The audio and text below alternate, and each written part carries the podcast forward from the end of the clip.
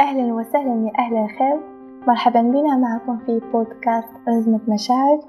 في هذا البودكاست سنتحدث عن جميع أفكارنا وتساؤلاتنا المختلفة واللي هي في صراع دائم في داخلنا إلى أن كونت مجموعة من المشاعر التي لم نستطع يوما ما البوح بها.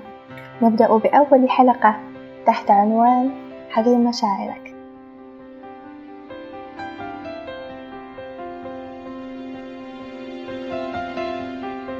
الإنسان عبارة عن كومة من المشاعر التي تتحكم في حياتنا في أغلب الأوقات.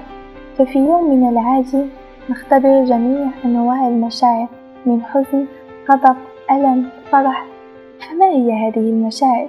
ولماذا نحن في حاجة لتحريرها؟ وهل نقصد بها السلبية فقط أم حتى الإيجابية؟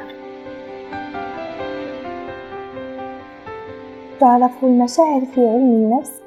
بأنها عبارة عن حالات من الشعور والتي تؤدي بطبيعتها إلى حدوث تغيرات نفسية وجسدية وتعرف أيضا بأنها نشاط عقلي الذي يرتبط غالبا بشخصية الإنسان وحالته النفسية.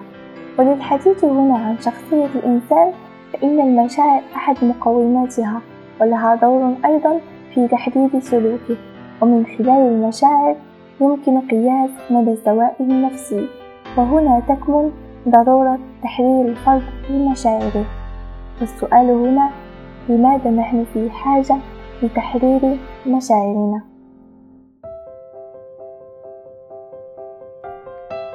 في كتاب جلسات نفسية للكاتب محمد إبراهيم واللي مضمون الكتاب بصفة عامة يتحدث عن كيفية التعامل مع النفس وكيف أننا نصدر أحكام قاسية عليها لكن فيها فقرة تتحدث عن المشاعر حيث قال أن الفرد عندما يسمح لهذه المشاعر بالتعبير عن نفسها فإنه يخفف من شعوره بالضغط ويتخلص من التراكمات. وقد وصفها أيضا كأنها عملية تسليك للمدخنة حتى لا يختنق بها صاحبها. ومن وجهة نظر أخرى فهي أشبه بطنجرة ضغط فوق النار عليك أن تنفس عنها كي لا تسوء حالاتك. فكبت المشاعر وتقييدها أو محاولة التخلص منها ليس تعبيرا للقوة وليس كما يزعم البعض بأنها صور ضغط بل العكس. فلماذا نخاف من إظهار هذه المشاعر؟ الإفصاح عن المشاعر لا يعد ضعفا منا وإنما الضعف الحقيقي هو أن لا نتقبلها. فالبشر بطبعه ليس كاملا. هناك نواقص في كل فرد فالكمال وحده لله عز وجل. فبكاؤنا أيضا ليس بضعف. فبكى من هو أعظم وأقوى منا محمد عليه الصلاة والسلام. هذا يعني أن حتى من الناحية الدينية إظهار المشاعر ليس بشيء مذموم. هناك أيضا مجموعة من الآيات التي تعبر عن نفسية الأنبياء عند أزماتهم مثال ذلك سيدنا يعقوب عندما ألقى أبناءه أخاهم سيدنا يوسف عليه السلام في غيبات الجب واشتد به الأسى والحزن وابيضت عيناه من كثرة البكاء. في قوله تعالى بسم الله الرحمن الرحيم وتولى عنهم وقال يا أسفا على يوسف وابيضت عيناه من الحزن فهو كظيم. صدق الله العظيم.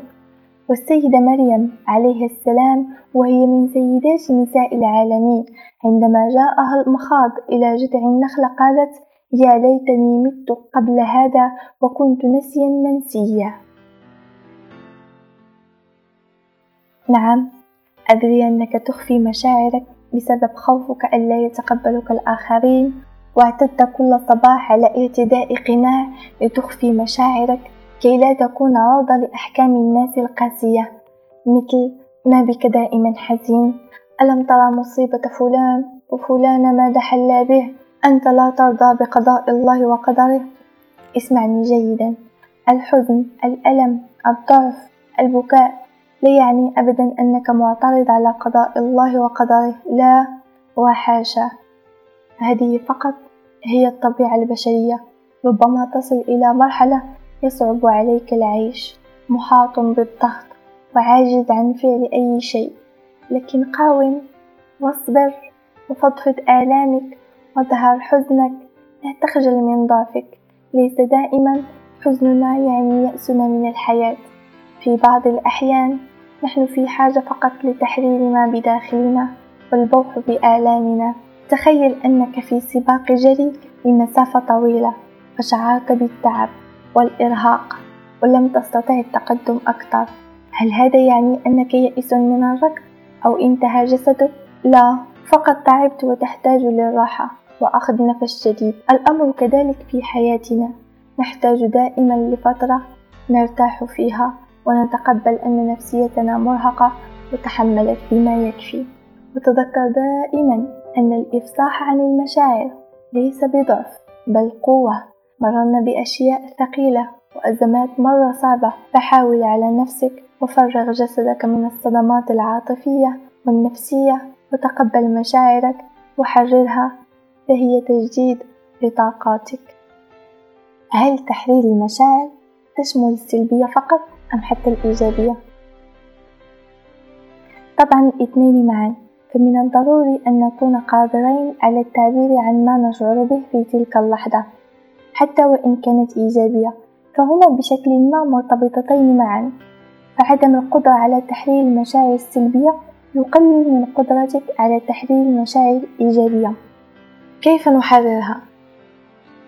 هناك طرق كثيرة لك أن تختار الطريقة التي تناسبك للتعبير عنها كالتأمل، الكتابة، الرسم، السباحة، المشي فهي رياضة الفلاسفة، الرياضة كذلك، وهناك ما يسمى بتقنيات ميكانيكية لتحرير المشاعر. شاهدت فيديو على اليوتيوب يشرحها بطريقة جميلة وسهلة الفهم. راح أخلي الرابط في وصف الحلقة لمن يهمه الأمر وحابب يتعمق أكثر. سأشير فقط لأسماء هذه التقنيات الميكانيكية وأولهم الرطانة أو الجبرش وهي التحدث بكلام غير مفهوم من خمس إلى عشر دقائق في اليوم. تساعد على تفريغ الذهن. هي فكرة جنونية لكن لا بأس. ذكرتني بطفولتي عندما كنت أغضب ولا أريد التحدث مع أمي. آه، أصدر صوت مثل دندنات موسيقية لكن ليس بغناء وبأغنية أعرفها لكن فقط دندنات من نسج خيالي. لا أعرف إن كانت طريقتين متشابهتين. أخليكم مع مقطع مصور من فيلم كوميدي بروس المايتي لكي تفهموا أكثر الجبرش